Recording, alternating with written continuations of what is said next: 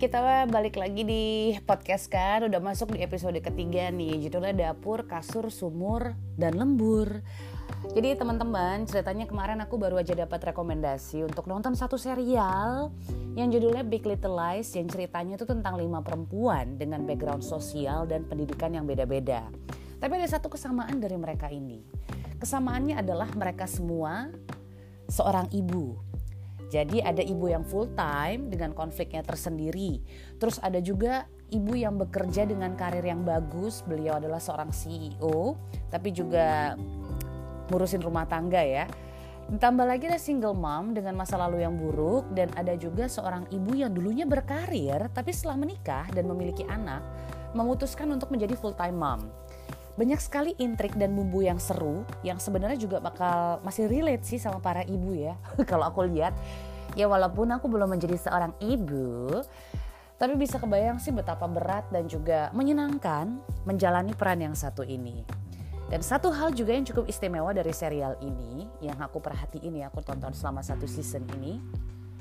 Jadi apa pun yang terjadi mereka para ibu ini selalu mencoba memberikan yang terbaik untuk anaknya apa pun alasan dan latar belakangnya. Dan banyak juga nih dialog yang sebenarnya seru yang bisa kamu terapkan dan juga kamu serap. Tapi satu dialog yang cukup menggelitik buat aku pribadi di sini adalah satu ibu yang tadi CEO ya, yang bekerja dan juga mengurus rumah tangga. Dia sempat kayak ngeluh gitu ya karena secara tidak langsung dan dia sadari sebenarnya dia ngerasa kayak ada silent competition dengan full time mom ibu yang sepenuhnya mengurus anak dan rumah tangga. Di mana si ibu CEO ini sebenarnya dia udah melakukan yang terbaik udah semuanya dikasih gitu. Tapi kayak ngerasa kok ada silent competition ya? Secara tidak uh, tidak langsung gitu. Ditambah lagi satu ibu yang tadi ya menjadi full time mom setelah meninggalkan pekerjaannya dia ngerasa tidak pernah cukup karena di pekerjaannya lah dia merasa menemukan jati dirinya. Setelah menikah, kayaknya dia tinggalin jati dirinya. Ini um, apa ya? Banyak juga di kejadian sehari-hari. Tapi sehari-hari sebelum aku menikah, aku sering juga mendengar banyak kalimat kayak, hmm, jadi perempuan Kat, sekolahnya jangan terlalu tinggi, jangan terlalu mandiri, jangan terlalu gencar cari duit. Nanti cowok takut loh deketinnya. Belum lagi ada yang bilang laki-laki tuh suka sama cewek yang jago masak karena kita harus bisa uh, mengenyangkan perutnya ya gitu gitulah ya kalimatnya. Ditambah lagi ini yang bikin aku sakit hati sebenarnya. Eh, perempuan cantik tuh kalah sama perempuan yang jago di kasur. Ini sebenarnya sering banget dijadiin jokes, dijadikan lelucon. Dan aku sebagai perempuan sebenarnya ngerasa enek. Karena ini bisa memberikan dampak psikologis dan tanpa sadar kita aminin hal, hal tersebut ya. Kita kita oh iya juga ya, kayak begitu tuh. Ditambah mungkin orang tua zaman dulu itu sering juga memberikan nasihat buat kita para perempuan calon istri lebih tepatnya untuk lebih memperhatikan urusan dapur, kasur dan sumur kalau ditanyain sama kamu masih relevan gak sih sebenarnya nasihat tersebut diterapkan di dalam kehidupan modern zaman sekarang? Pasti akan banyak jawaban nih. Masih relevan dong atau kayak ya udah gak relevan lagi. Ada alasan ini itu ini itu. Tapi memang pernyataan atau stereotip bahwa dapur kasur sumur adalah tempat perempuan berada sebenarnya ini juga ngebuat karir kita sebagai perempuan itu mentok. Gak lembur jadinya. Tapi tahu nggak sih kamu kalau ternyata banyak juga loh perempuan yang ngerasa kehilangan jati dirinya setelah menikah. Nggak semua tapi ada. Karena definisi dirinya itu bukan sebenar-benarnya dari dirinya, bukan dari karyanya atau karirnya, tapi dilihat dari seberapa besar pengabdian dia kepada suami, kepada anak. Salah? Ya nggak salah, nggak ada yang salah di sini.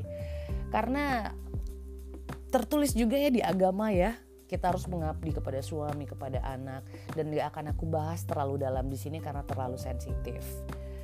Dan kalau misalnya kita ngelihat sebagai perempuan sebenarnya kesadaran kita cukup besar kok untuk menjadi istri yang baik bahkan senang. Menjadi perhiasan dunia juga dan tentunya mengabdi kepada keluarga.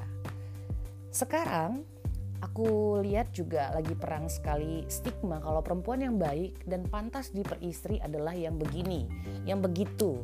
Banyak ribuan kriteria dan syarat dicantumkan di paling atas. Harus bisa masak, harus bisa nyapu, harus bisa nyuci, harus bisa nyetrika, ngurusin anak, layanin suami, cari duit sendiri, harus jaga badan, segala bentuk tanggung jawab dan pekerjaan rumah tangga lainnya. Terus dibilang lagi nih, ya kan namanya perempuan, udah kodratnya begitu katanya capek guys. Tapi ada juga nih ya um, kalau misalnya masalah dalam rumah tangga udah muncul udah ada perempuan juga sering disebut sebagai penyebab suami selingkuh. Salah perempuan gagal ngedidik anak. Ya salah ibunya. Sudahlah, perdebatan begini memang gak akan ada habisnya sebenarnya. Sekarang ini waktunya kita memberikan fleksibilitas yang lebih tinggi kepada perempuan buat milih peran apa sih sebenarnya yang pengen dijalanin gitu kan. Apalagi di era sekarang yang apa-apa tuh mahal.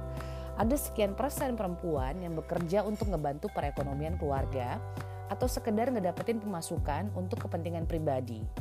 Di Indonesia, syukurnya aku perhatiin juga mulai pelan-pelan masyarakatnya ini bertransformasi dan mendorong inklusivitas dan mampu meningkatkan produktivitas. Ya, walaupun patriarki masih ada ya, sangat jelas. Tapi endingnya, ini semua nggak akan nyetop kita para perempuan untuk mandiri dan melawan diskriminasi. Sementara itu buat kita yang kayaknya cukup apa ya sadar dan mawas diri, Memang udah seharusnya juga memandang perubahan dengan cara yang berbeda. Kita belajar setiap hari, termasuk kita belajar lebih bijaksana dalam memandang peran perempuan dan tentunya mencoba melihat segala sesuatunya dengan gambaran yang lebih luas.